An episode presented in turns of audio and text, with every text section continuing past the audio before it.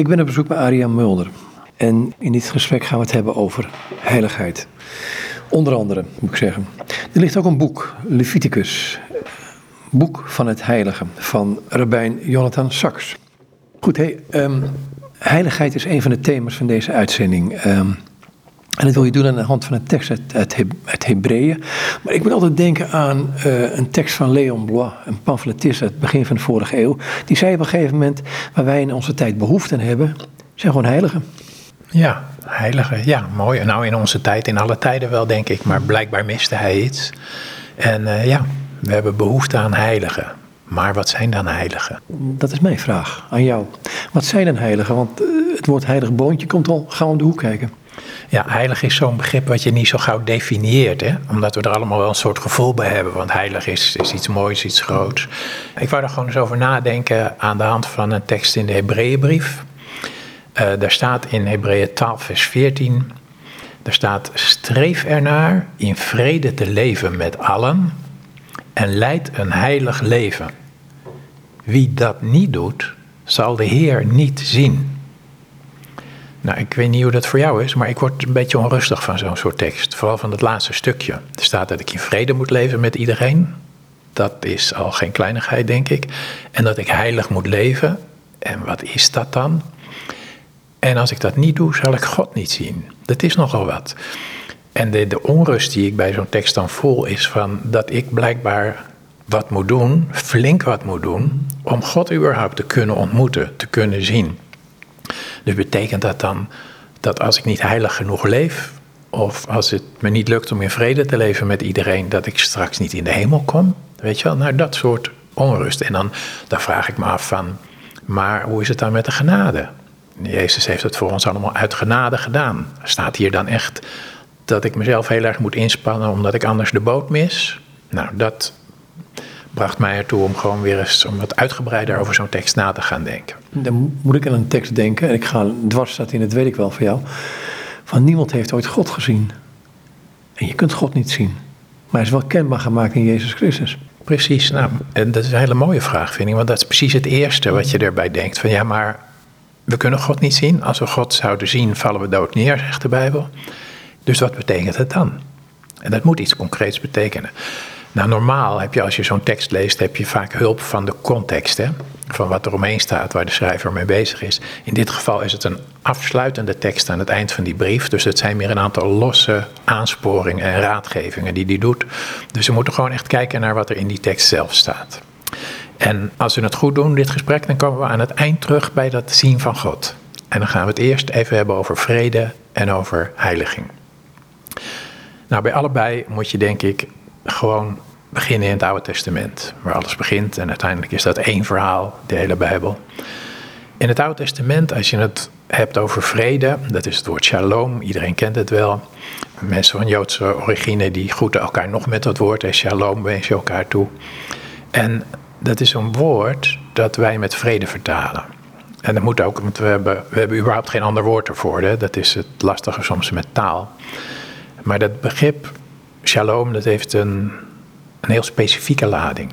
Als je dat naloopt in het Oude Testament, al die plekken waar er heel veel natuurlijk over gesproken wordt, dan gaat shalom gaat eigenlijk altijd over welzijn, over dat de dingen op orde zijn.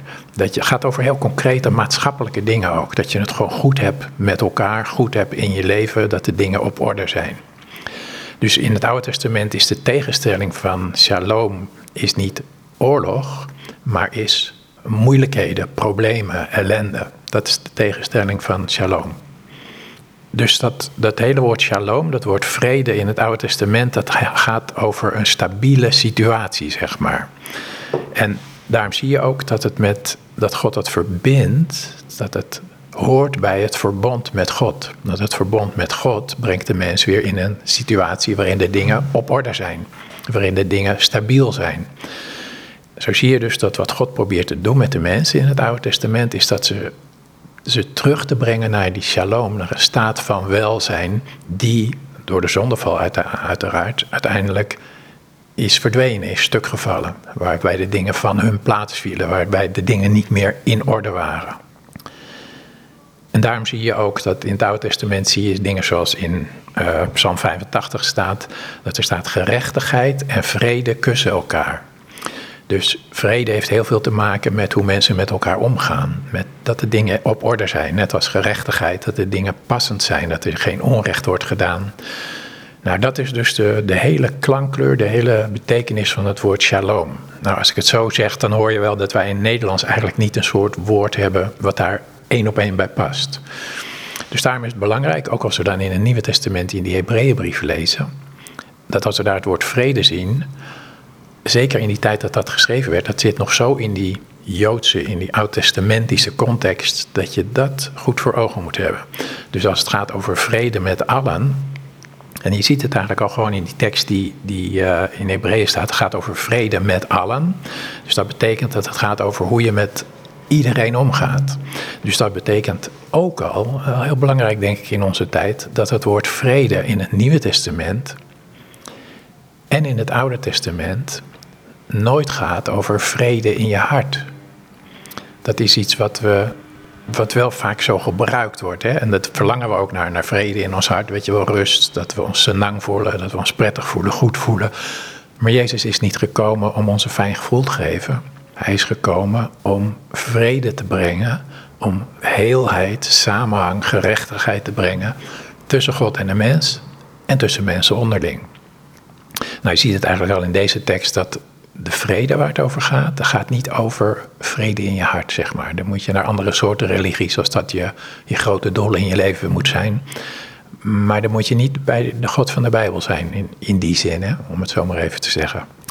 Dus shalom, dat is niet een gevoel, maar dat gaat over de situatie waarin je leeft. En de manier waarop je leeft, dat de dingen op orde zijn. Nou, dat is het oud-testamentische beeld. En dan ga je naar het Nieuwe Testament.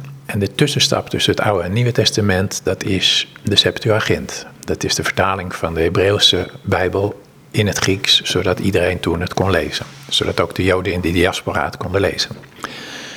En daar hadden de vertalers hadden een probleem, want dan moesten ze dat woord shalom vertalen in het Grieks. En daar had je het Griekse woord, had je alleen maar het woord Irene voor. En dat betekent vrede. Je hoort het in het Nederlands nog in Irene, een naam. Ik weet niet of die nog gebruikt wordt, maar vroeger was dat een meisjesnaam, een vrouwennaam. Er zelfs een prinses volgens mij die zo heette. Ja, prinses Irene, inderdaad. En die gaat nu ook heel irenisch met de natuur en met bomen om, heb ik gelezen. Irenisch, dat woord kennen we nog wel, dus vredevol. Maar in dat Grieks van die tijd was Irene, vrede, dat was een woord dat de periode tussen twee oorlogen aanduidde. Dus dat is een heel ander begrip dan het woord shalom. Ja, de vertalers hadden natuurlijk geen ander woord, dus ze moesten een woord kiezen. Nou, dat is wel belangrijk, want dan zie je dat woord is dus ook overgekomen in het Grieks van het Nieuwe Testament. Dus als daar het woord vrede gebruikt wordt, dan moet je je echt jezelf even losmaken van dat idee dat het gaat over dat er dan geen oorlog is. Of van dat andere idee, misschien uh, heel westers, of misschien ook van de laatste jaren, dat het gaat om vrede in je hart. Je ziet het eigenlijk gelijk al helemaal in het begin van het Nieuwe Testament. Als je de engelen hoort zingen, nou ja, hoort zingen, dat staat dan beschreven, hè? Ik zou ze best wel eens willen horen zingen trouwens. Ik had het wel willen horen. Ooit is slim ik tegen me horen zeggen, er staat het woordje zingen staat er niet. Ze spraken. Ja, je hebt gelijk. Ja, je hebt gelijk. Er stond er ook niet iets van muziekinstrumenten. Nou, dat weet ik even zo niet uit mijn hoofd. Maar in ieder geval zeggen ze, of zingen ze, vrede op aarde. En in ieder geval, wij zingen ze dat na, hè? zeker rond de kerst. Vrede op aarde, in alle mensen, des welbehagens, in wie God een welbehagen heeft. Dus vrede op aarde. Wat daar dus wordt aangekondigd, wat Jezus komt doen, dat is die messiaanse vrede. Dat is niet dat je happy bent, dat je een vredegevoel in je hart hebt. Maar die engelen komen, dus komen niet zeggen: jongens, nu komt Jezus. En over een poosje, dus als je in Jezus gelooft, dan zal je gewoon je vrede in je hart hebben. Of ben je blij en gelukkig. Ze komen zeggen: hier komt Jezus. En de geschiedenis krijgt een kantelpunt. En dat vrederijk van God, die shalom die God al, waar hij al sinds de zondeval mee bezig is, die wordt nu in gang gezet. Die komt eraan. Dus daar zie je dat ook al aan, dat vrede op aarde, dat gaat over het herstel van alle dingen uiteindelijk. En die lading van het herstel van alle dingen, die zit dus ook in het Nieuw-Testamentische woord als daar vrede staat. Dus als wij doen wat, uh, proberen te doen wat de schrijver van de Hebreeënbrief zegt, dat we in vrede leven met iedereen, dan zijn we dus eigenlijk messiaans bezig. Dan nemen we als het ware, gaan we alvast oefenen, zou je kunnen zeggen, nemen we alvast een voorschot op dat komende vrederijk. Dat we niet handelen, dat we niet met anderen omgaan vanuit onze primaire impulsen, vanuit onze angsten, ons ego, onze zelfhandhaving. Vanuit jij doet iets en ik doe het je terug. Maar vanuit bewuste keuzes om, om iets van het Messiaanse vrederijk alvast te gaan oefenen, alvast zichtbaar te gaan maken. Nou begrijp ik van het Oud-testamentisch woord heiligheid, uh, wat hier met vrede ook gelinkt is aan dit woord vrede, dat het ook te maken heeft met um, dat het ook dwars staat op eigen belang en datgene wat ik wil. Want daar zit je met een, met een kernpunt. Um, wij denken als we met dingen met anderen delen, op gelijke basis, dat wel een heel eind zijn. Maar een heilige, dacht ik, in de Joodse traditie, is iemand die zegt van al het mijne. alles wat van jou is, is van jou en al het mijne mag je hebben. Dat is natuurlijk een heel ander begrip. Ja, dat gaat er eigenlijk vanuit als je dat zegt, dat de dingen niet van jou zijn, maar van God. Mhm. En dat je ze alleen maar in gebruik hebt. En dat, dat lijkt mij een heel wezenlijk aspect aan heiligheid. En ik denk dat we daar ook wel op zullen komen over hoe je daar daarmee omgaat. Want inderdaad, het is niet alleen de schrijver van de Hebreeënbrief die vrede en heiligheid met elkaar verbindt. Maar dat zijn natuurlijk dingen die heel erg bij elkaar horen. Want die vrede, dat is een messiaanse vrede. Dat is de manier waarop we omgaan met elkaar. Dat we uiteindelijk, hè, als Jezus terugkomt, als God alle dingen recht zet, dat we zonder onrecht en zonder wrijving en frictie met elkaar kunnen omgaan. En dat mogen we nu alvast oefenen. Maar goed, maar goed je zegt, je zegt hè, sorry dat je interrumpeert, maar je zegt de Messiaanse vrede. Dan is er voor die vrede een Messias, nou, een Messias nodig. Ja, en omdat Jezus dat allemaal mogelijk maakt, in gang heeft gezet, beschikbaar heeft gemaakt voor iedereen. Hè? Dat komt er ook nog bij, want God had een verbond met Israël en Jezus brengt het verbond van God naar alle mensen. Dus iedereen kan nu die keuzes maken die uh, en, en, heel bewust. Ja. Er zijn nog een andere tekst. Ik, ik gooi me wat voor de voeten. Is, uh, maak al die noden bij God bekend. Ik dacht het einde van Filippenzen uit mijn hoofd. En de vrede God zal je verstand en hart te bewaren. Is dat iets anders? Dat is volgens mij een van de weinige teksten waar, waar het woord vrede ook meer over ons innerlijk lijkt te gaan. En, uh, maar uiteindelijk komt het toch op hetzelfde neer. Want nee, laat ik het zo zeggen. Die betekenis zit per definitie ook in het woord vrede. In het woord vrede. En dat is ook wat God geeft natuurlijk. Dat als jij kiest voor een heilig leven, hoe dat dan ook uh, gaat. Hè? Als jij graag een heilige wil zijn, waar er uh, behoefte aan is, zoals je net zei, dan doet dat ook iets met jezelf en met je eigen hart. Ik denk niet per se altijd vrede, want dat levert ook strijd op. Want je verzet je vaak tegen jezelf, hè, tegen de impulsen van je ego, als je met anderen in vrede wil leven. Dus, dus pijn doet het zeker. Hè. Zoals Paulus zegt, je hebt nog niet tot bloedens toe uh, geworsteld. Uh, maar die vrede van God, die, die, die, die, is natuurlijk ook in je hart. Hè. Ik zeg natuurlijk niet dat die daar nooit is. Maar de hoofdlijn is van als je vrede in de Bijbel, in het Oude Testament en het Nieuwe Testament ziet, is de vrede die God brengt voor de wereld. In het samen zijn tussen God en mens, maar ook dus tussen de mensen onderling. Maar goed, dan kom je toch weer in het woordje al eerder gebruikt, met het woordje eigen belang, het woordje ik, het willen, willen bezitten, het woordje willen heersen over andere mensen. Ik, ik bedoel, we komen met een, hopelijk uit de coronatijd, eh, met een coronabeleid. En een organisatie als Pfizer heeft miljarden winst gemaakt, denk ik. Ja, waar gaat het er nog om? Gaat het dan nog om het wel en wee van de mens, de vrede van de mens? Of gaat het om meer het eigen belang wat een drijfveer is erachter? Ja, het eigen belang, dat blijft de drijfveer. Hè? Dat is een ontzettend sterke drijfveer. Als wij, ik heb in mijn laatste boek Liefde en Angst, eh, met als ondertitel een christelijke kijk op God en ons ego, heb ik dat een beetje aan heel veel bijbelverhalen vanaf het begin, vanaf eh, het paradijs tot nu, uh, tot het eind van de Bijbel heb ik uh, zichtbaar gemaakt, wat we natuurlijk wel weten, dit, die strijd tussen ons eigen, tussen liefde en angst. De angst is de angst om gekwetst te worden, uiteindelijk de angst om dood te gaan, die zich vertaalt in zelfhandhaving, dat is het ego. Wat we zelfs ook naar God toe hebben, weet je wel, dat we zelfs onszelf waar willen maken naar God toe, weet je wel, dat we heilig genoeg willen zijn. Dat is ook een gevaar van die tekst waar we mee begonnen. Dat zit heel diep in ons. Want God accepteert ons wel, maar we willen toch eigenlijk ook zelf wel God pleasen, zeg maar. Dat is uiteindelijk dat is iets wat diep in de mens zit. Ik zeg wel eens, in onze theologie zit ook heel veel angst. Want dat zit overal in. Nou, die, en als je dan vraagt naar bijvoorbeeld die grote concerns, Overal is die drang tot zelfbehoud, zelfhandhaving. Waarom willen mensen uiteindelijk rijk zijn? Dat is omdat ze hun leven willen verzekeren. Dat ze morgen ook te eten hebben en overmorgen ook. En die drang is zo sterk dat je zelfs rijkdommen wil ophopen die je nooit zal kunnen gebruiken. Er zijn mensen die worden zo rijk dat ze het geld nooit kunnen uitgeven. Het gaat ook ten koste van hun vrede met andere mensen, want ze misbruiken er andere mensen voor. Precies, als dat zo is. Als het dus allemaal uit eigen belang is. Kijk, er is niks mis met rijkdom. Dat zie je in de Bijbel ook. Dat Jezus doet er ook niet moeilijk mee over. Alleen als er iets mis is met die rijkdom, of als die rijkdom jou in, in zijn macht heeft, dan zegt hij: Kom op, doe er iets aan, nu meteen. Maar dat geldt ook voor, je noemt het een groot concern, maar wat ik kan beïnvloeden is mijn eigen leven. En ik kan ook via de verenigingen, publieke opinie, kan ik ook die grote concerns proberen. Weet je, wat kunnen we met elkaar doen om daar iets van eh, aan te verbeteren? Dat is ook heel belangrijk. Dat is ons oefenen ook met die messiaanse vrede. Net zoals, uh, uh, zoals je dat in je eigen leven doet, dat je dat ook in de maatschappij probeert te doen. Maar ik denk wel altijd dat we ook heel nuchter moeten zijn. We kunnen die zelfhandhaving en het ego kunnen we niet uitroeien. En Jezus heeft die gelijkenis van het uh, koren en het onkruid op de akker, weet je wel. En hij zegt, je kan dat onkruid, je kan het kwaad in de wereld niet uitrukken, want het is helemaal vermengd met het goede. De wortels zijn vermengd. Dus we moeten niet uh, een soort overidealisme hebben dat we denken dat we ons heel erg inzetten en dat morgen de wereld volmaakt is. Dat gaat niet gebeuren. Maar het is wel onze taak, denk ik, om, om vanuit die mogelijkheid die Jezus biedt, die God biedt, om in vrede te leven, om naar vrede te streven, hè, zegt de schrijver ook van de Hebreeënbrief, streef ernaar. Dus doe je best ervoor. Dus dat, zegt eigenlijk al, het zal nooit volmaakt zijn. Je moet gewoon je best ervoor doen. Uh, dat is denk ik onze opdracht. En, en dan gaat het om hele bewuste keuzes. Het gaat onder andere ook over een heilig leven, waar we in het begin al aan gerefereerden. Um, wat is dan een heilig leven? Nou, uh, vind je het goed als ik nog eventjes één ding over de Even teruggaan naar de vrede, want dat schoot me net ook weer te binnen, is, en dat heeft alles ook met heiligheid te maken, even, even die scène van dat Jezus zijn leerlingen uitstuurt.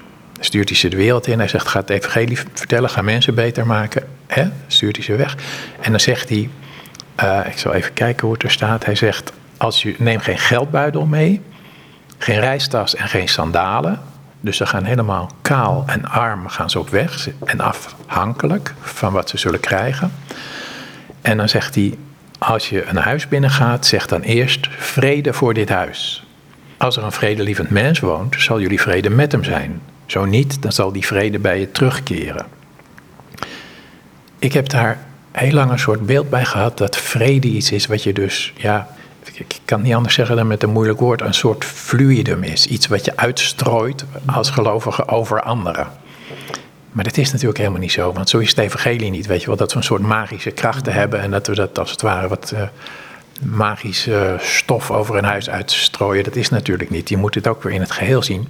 Die leerlingen van Jezus, die komen helemaal arm en behoeftig en afhankelijk van anderen, komen ze bij iemand aan de deur. En als zij zeggen vrede zij dit huis, dan is het niet zo dat ze iets. Eigenlijk is het niet zo dat ze iets aan dat huis geven, dat ze er een soort geheimzinnige vrede opleggen. Maar het is eigenlijk zo dat ze tegen dat huis, natuurlijk niet het stenen huis, maar de bewoners van dat huis, want het gaat altijd over mensen. Dat ze eigenlijk aan de bewoners van het huis vragen. Ze stellen een vraag. Ze wil jij met ons in vrede leven? accepteer jij ons uh, in jouw leven? Kunnen wij met elkaar eh, in die messiaanse vrede, dat we dus proberen niet vanuit onze ego, maar vanuit de liefde met elkaar te leven, accepteer je mij.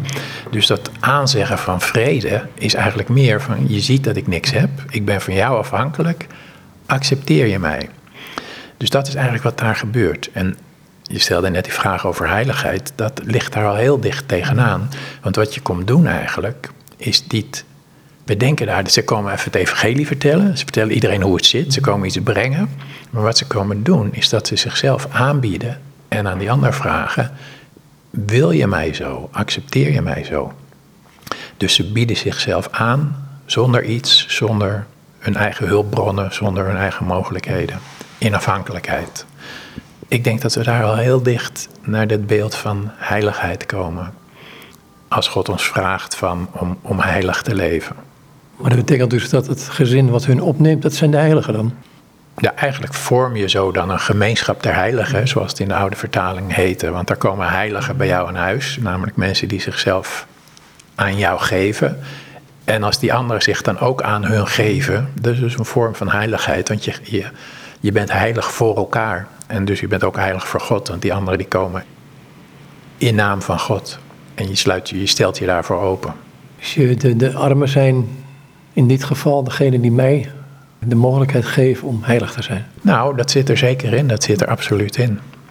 Dat is ook, dat is heel wezenlijk een heiligheid. Is, ons gevoel is denk ik vaak bij heiligheid dat wij aan onszelf moeten werken. Dat we onszelf moeten oppoetsen. Dat we zo goed mogelijk moeten zijn.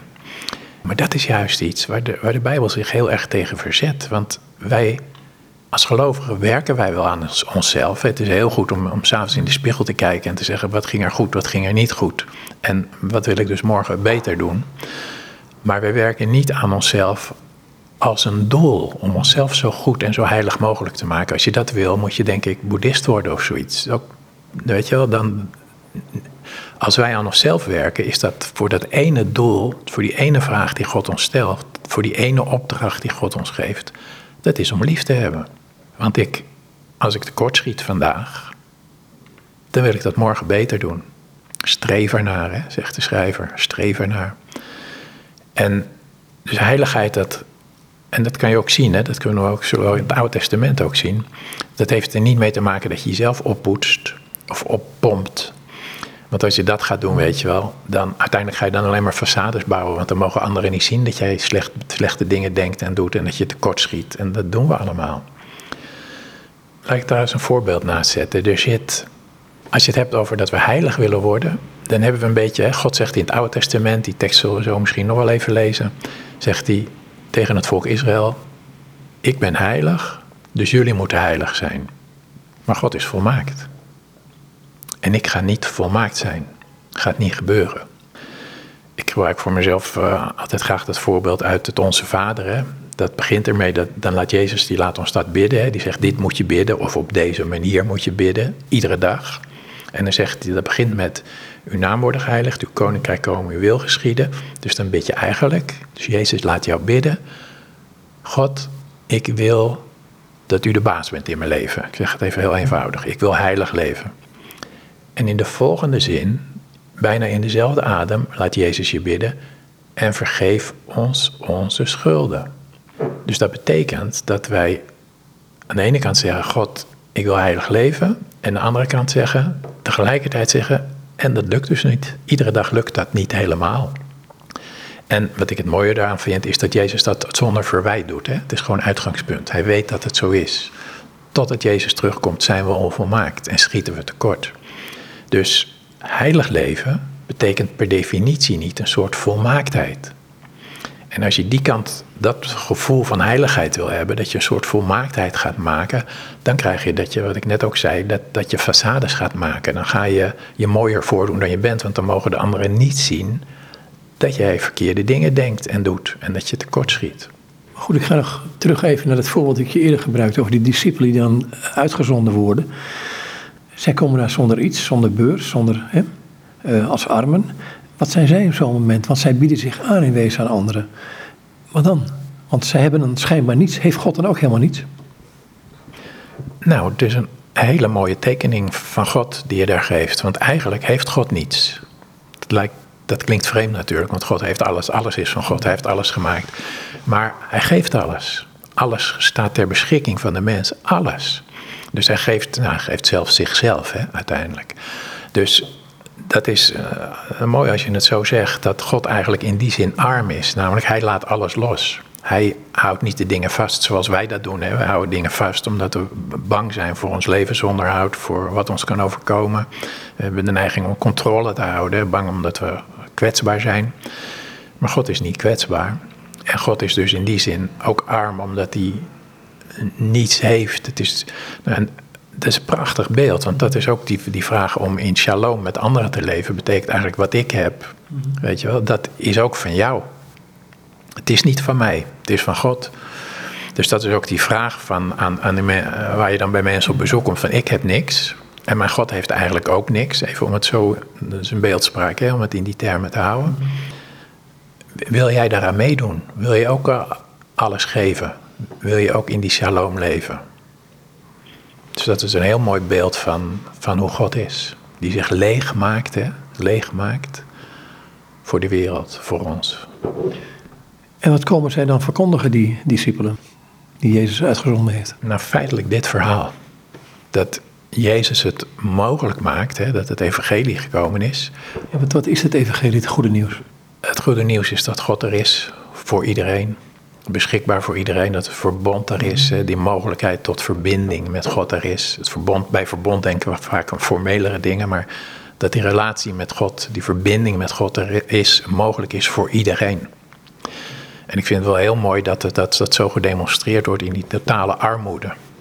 Ik ga dus een andere tekst. Jij zegt, ja, um, er wordt in het Oude Testament gezegd, wees dan volmaakt en wees heilig. Maar ja, dat kunnen wij toch niet, uh, hoor ik er al achter zeggen. Jezus zegt iets anders. Die zegt op een gegeven moment tegen zijn discipelen, wees dan volmaakt zoals uw vader volmaakt is. Hoezo? Zou hij iets ons tegen ons zeggen wat wij niet kunnen dan? Um, alles wat God zegt moet op de een of andere manier bij onze werkelijkheid passen. Dat, dat is voor mij een heel diep iets, want als dat niet zo is, dan gaan wij luchtkastelen bouwen. Om, om maar net te doen alsof het er wel zo uitziet, weet je wel. Als Jezus het daar heeft, en er zijn nog een paar van die plekken over volmaakt zijn. Jij en ik en wij allemaal, we weten heel goed dat we niet volmaakt zijn. Ik doe even een klein zijstapje, even om, dat te verhelderen. Zonde, bij zonde denken we vaak aan het overtreden van regels. Iets wat niet mag, een bank beroven enzovoort. Het helpt heel erg als we inzien dat zonde niet gaat over het overtreden van regels.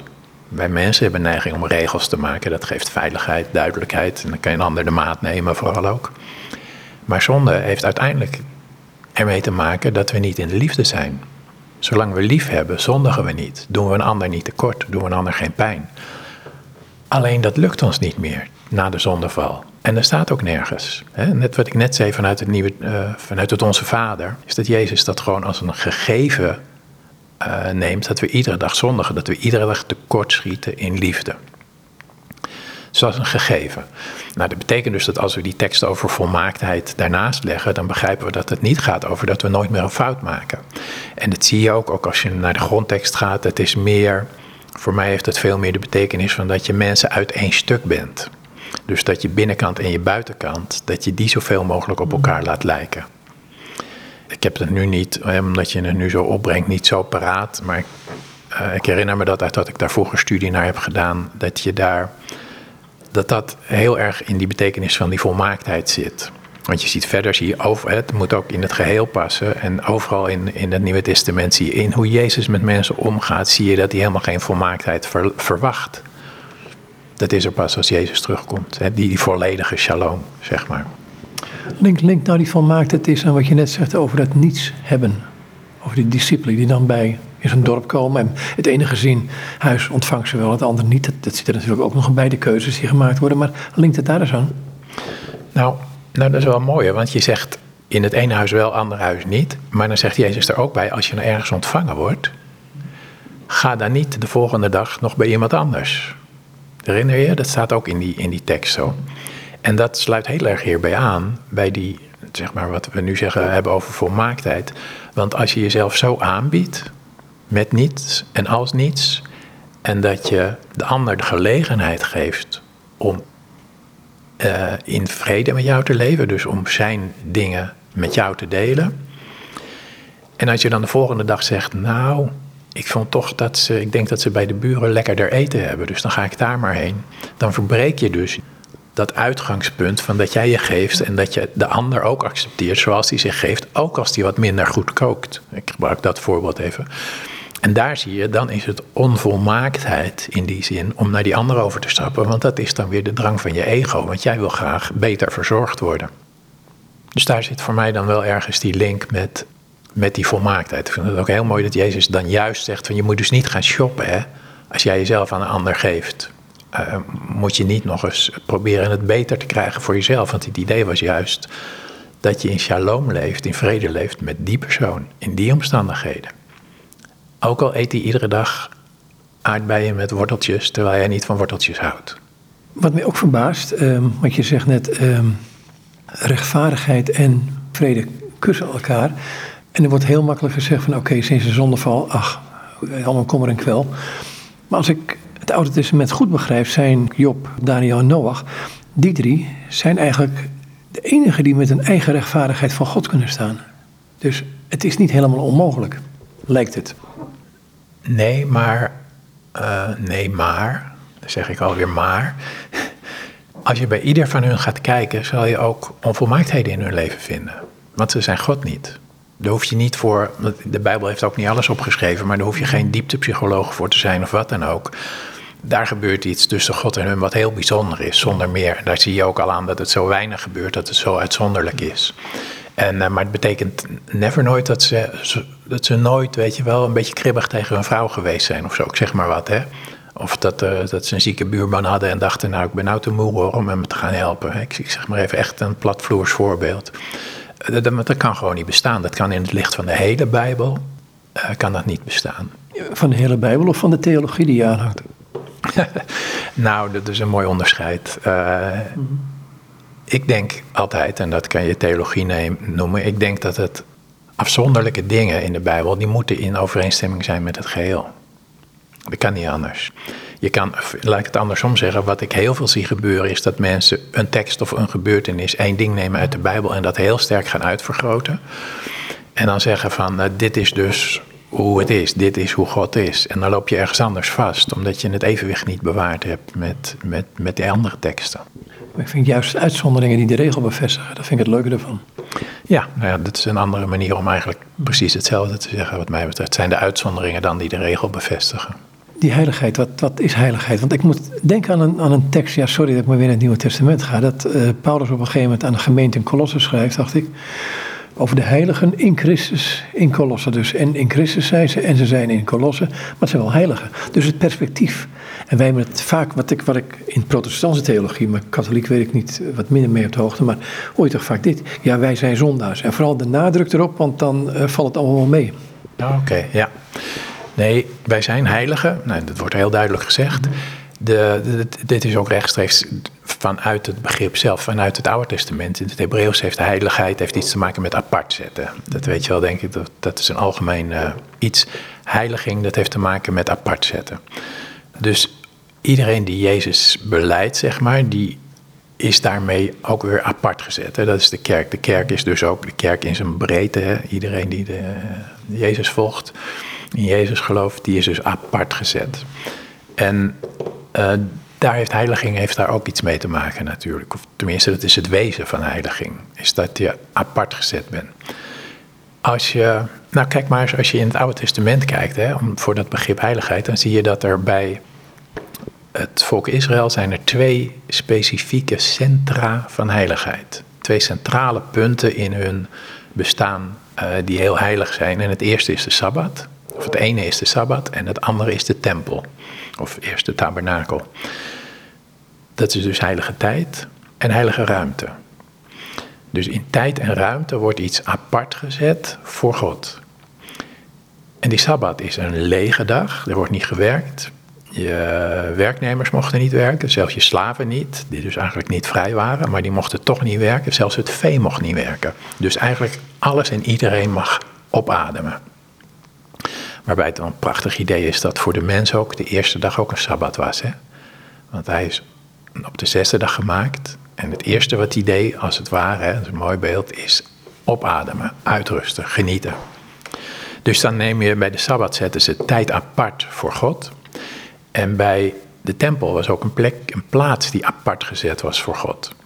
En dat is ook mooi, want als je dan ziet het heilige der heiligen, zoals we dat vroeger noemden, die kleine ruimte achterin, het allerheiligste, was eigenlijk ook een lege plek. Daar stond alleen de ark en die verdween ook op een gegeven moment.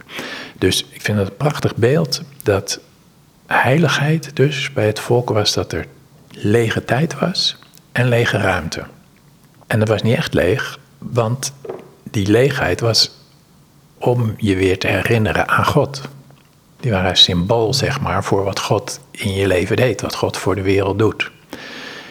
En als ik daarover doordenk, dan zie ik dus dat heiligheid, ze zetten die sabbat en die tempel apart, maar dat was niet de enige heiligheid, maar dat was een herinnering aan het feit dat God alles en overal was voor hun.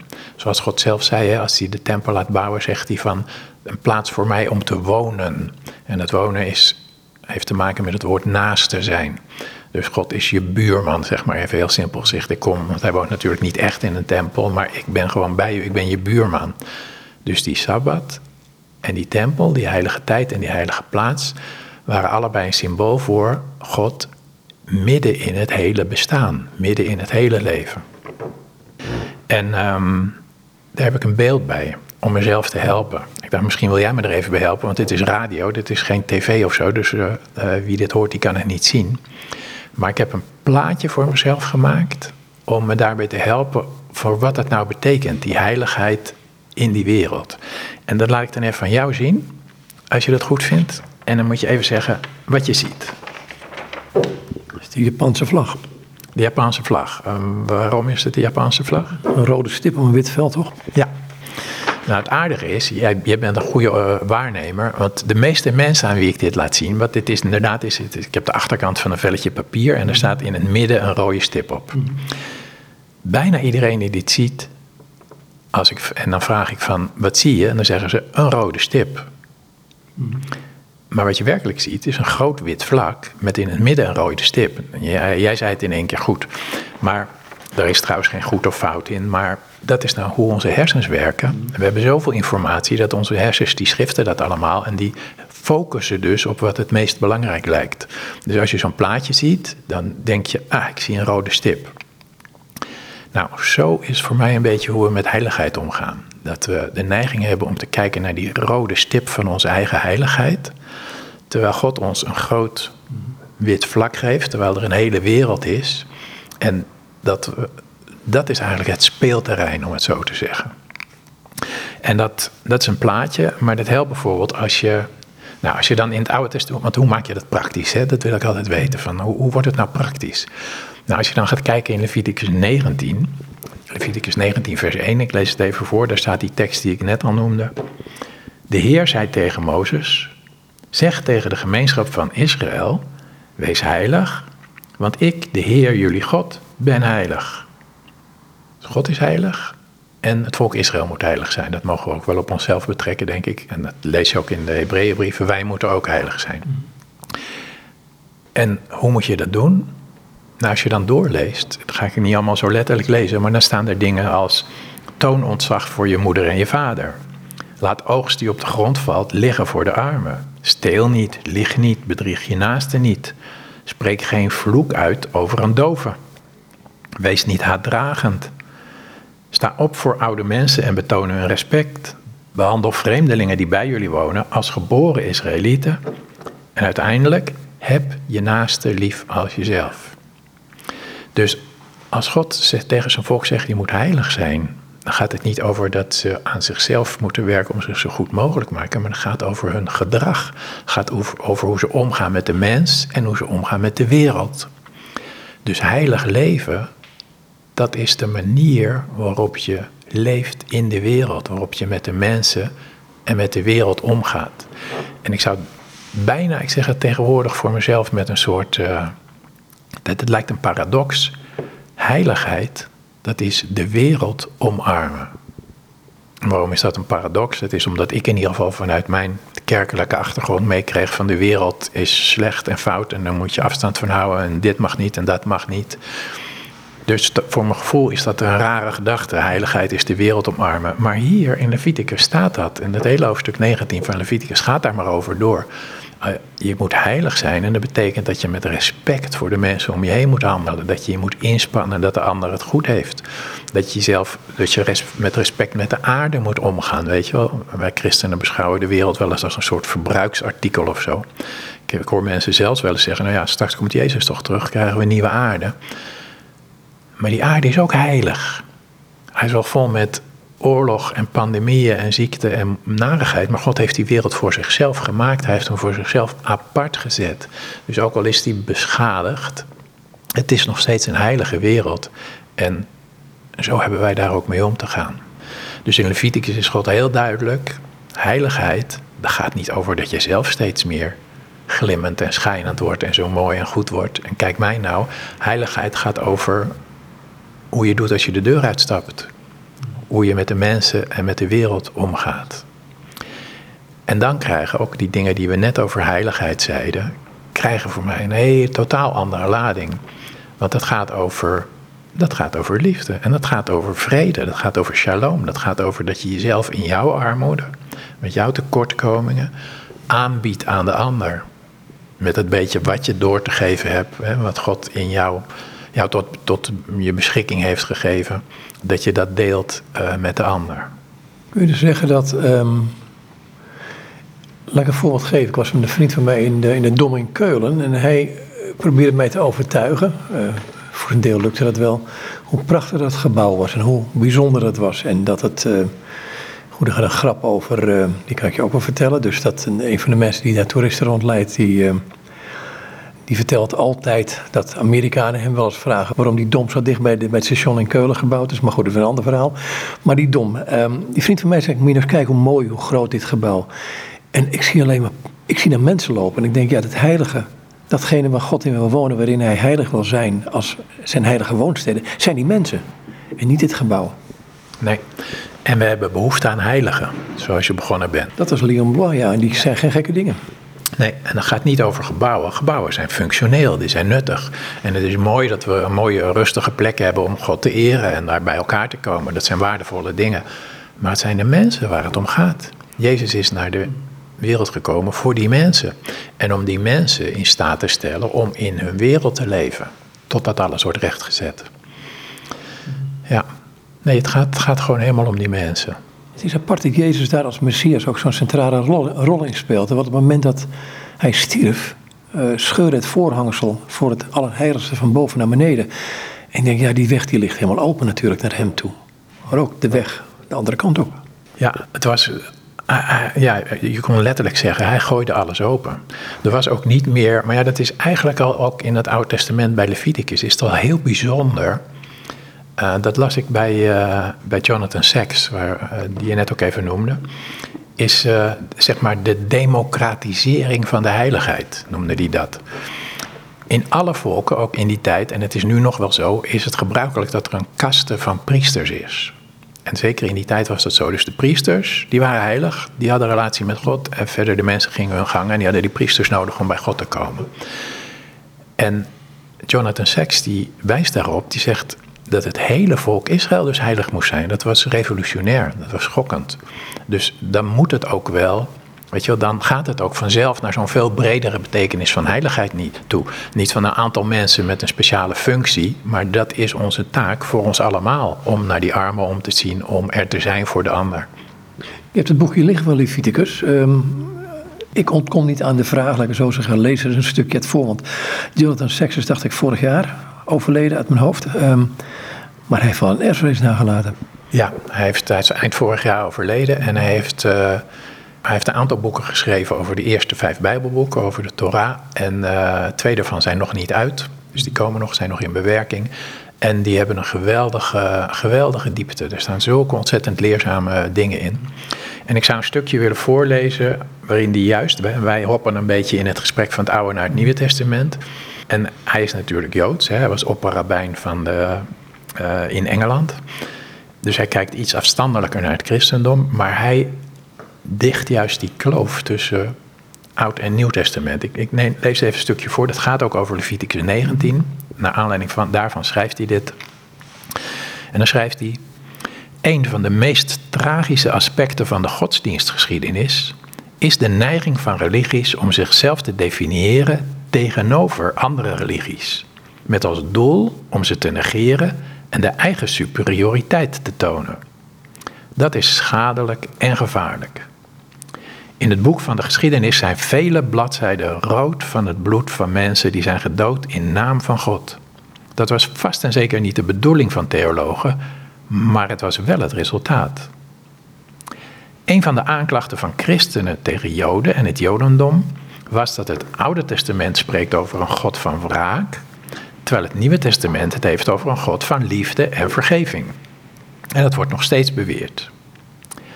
Het is belangrijk om te beseffen dat dat niet zo is. Ook de Tenach, de Hebreeuwse Bijbel, leert mensen om te vergeven. Goddelijke vergeving vormt de kern van de heiligste dag in het Joodse jaar, Yom Kippur. En in de grote ontmoeting tussen God en Mozes na de zonde van het gouden kalf omschrijft God zichzelf als volgt: De Heer, de Heer, een God die liefdevol is en genadig, geduldig, trouw en waarachtig, die duizenden geslachten zijn liefde bewijst, die schuld, misdaad en zonde vergeeft. Nou, tot zover eventjes. Hij laat dus zien, wat we eigenlijk allemaal al horen te weten, is dat er geen verschil is tussen de God van het Oude en het Nieuwe Testament. En dat God een vergevende God is, dat God liefde is. Nou, dat zie je ook al in wat we net aanduiden over Leviticus 19. We denken van heb je naast lief als jezelf. Dat beschouwen we vaak als een nieuwtestamentische tekst. Maar dat komt dus gewoon daar vandaan. Hè? En uh, wat de Joden daar dan bij hebben, is dat ze door de eeuwen heen, hè, ze hebben natuurlijk al duizenden jaren over al die dingen nagedacht en met elkaar gepraat en gediscussieerd. En hij geeft twee voorbeelden naar aan, en die, die wou ik eventjes nog voorlezen. En dat is dan naar aanleiding van uh, Leviticus 19, weer vers 18. Daar staat in zijn vertaling: Neem geen wraak en koester geen wrok tegen je volksgenoten, maar heb je naaste lief als jezelf. Ik ben de Heer. Dat hoort er dus bij je. Dat die liefde voor de naaste, dat, dat kunnen wij vanuit onszelf niet zo goed. Maar God zegt: Ik ben de Heer. Kijk, dat is hoe ik ben. Dus ik wil graag dat jij dat ook probeert zo te zijn voor de ander. En dan heeft hij uit de traditie van de wijze, heeft hij, wat is het verschil tussen wraak nemen en wrok koesteren? De wijzen geven het volgende huiselijke voorbeeld. Hoe ver reikt wraak? Een voorbeeld is als X tegen Y zegt: leen me je sikkel, en Y weigert die uit te lenen. De volgende dag zegt Y tegen X: leen me je bijl. En X antwoordt: ik leen je mijn bijl niet, aangezien jij weigerde mij jouw sikkel te lenen. Dat is, zeggen de wijzen, wat bij wet verboden is: neem geen wraak. Maar dan gaat het nog verder. Want wat is dan wrok? Hoe ver reikt wrok? Weer zo'n voorbeeld. Als X tegen Y zegt: leen me je bijl. En Y weigert hem uit te lenen. En de volgende dag zegt Y tegen X: leen me je sikkel. En X antwoordt: neem me maar mee. Ik ben niet zoals jij dat ik je mijn bijl niet zou uitlenen. En dan zeggen de wijzen: dat is bij wet verboden. Koester geen rok. Terwijl het heel positief klinkt, hè? Precies, klinkt heel positief, hè? Zo van: ik doe wel goed hoor, en jij niet. En dus heel mooi, juist Leviticus gaat heel sterk ook over je gedrag, hè, over je daden. Maar je ziet het hier ook over, het gaat ook over het innerlijk. Het gaat over je houding.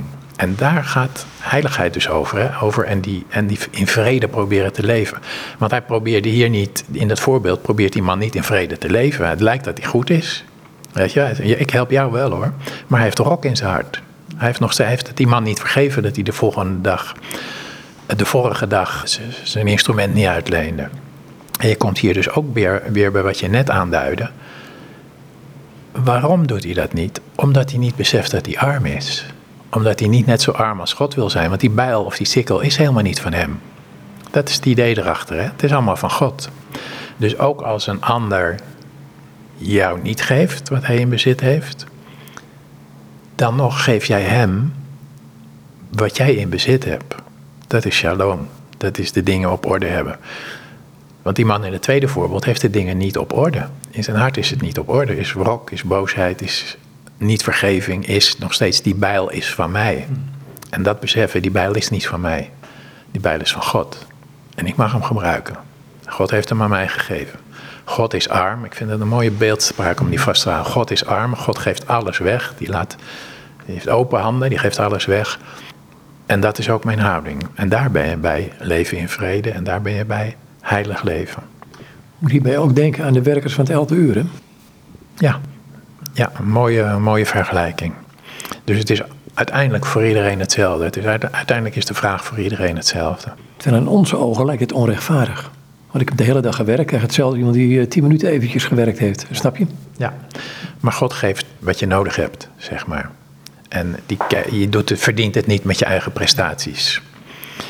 En deze man die zou misschien in onze kerk zouden wel zeggen, nou dat is een goede vent, uh, die Jansen, die, uh, weet je wel, die leent zo toch die bijl uit.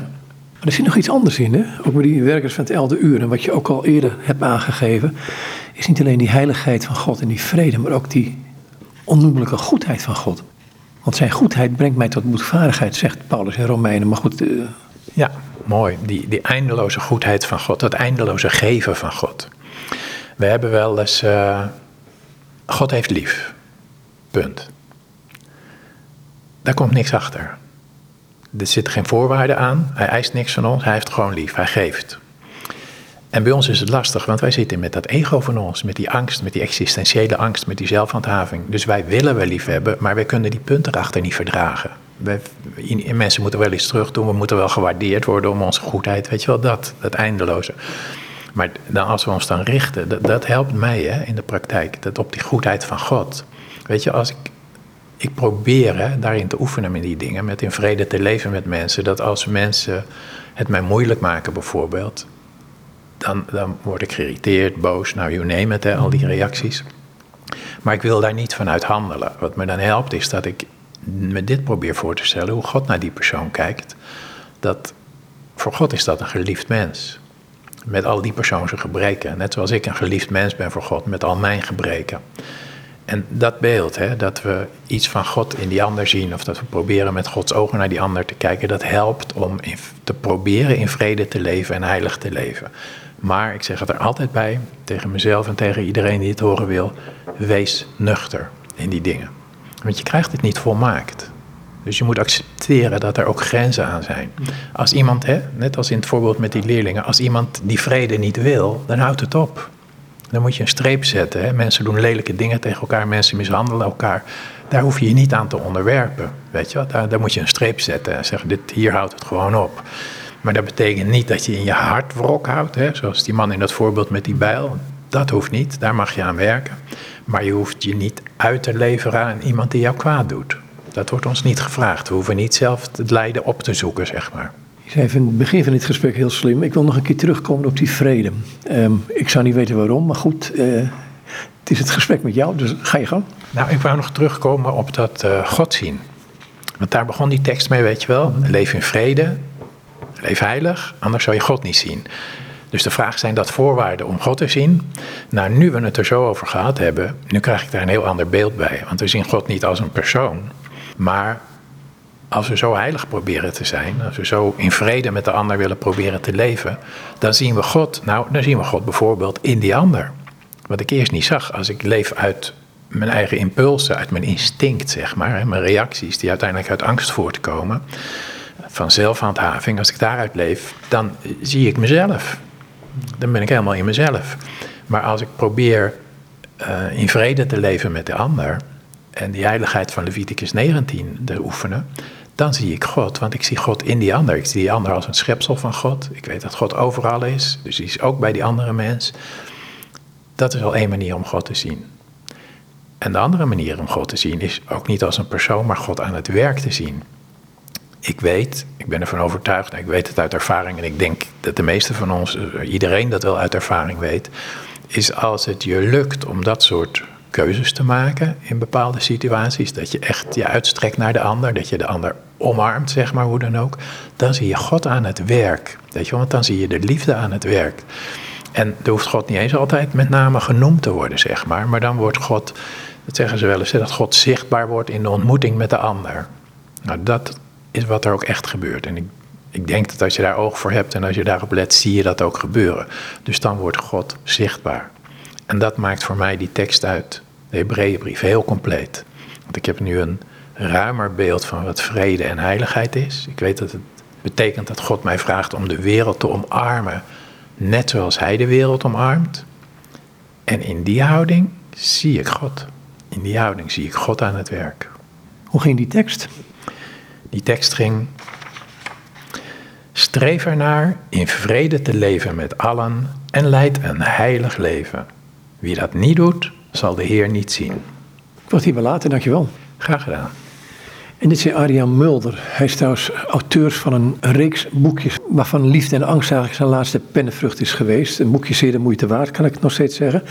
Eh, we hadden het over heiligheid en vrede. En het boek wat hierin genoemd werd, onder andere, het enige boek wat genoemd werd naast de Bijbel, is Leviticus, boek van het heilige van Jonathan Sachs. Het is een uitgave van uitgever Scandalon in Middelburg. Goed, nou nogmaals tot zover dit gesprek met Arjan Mulder.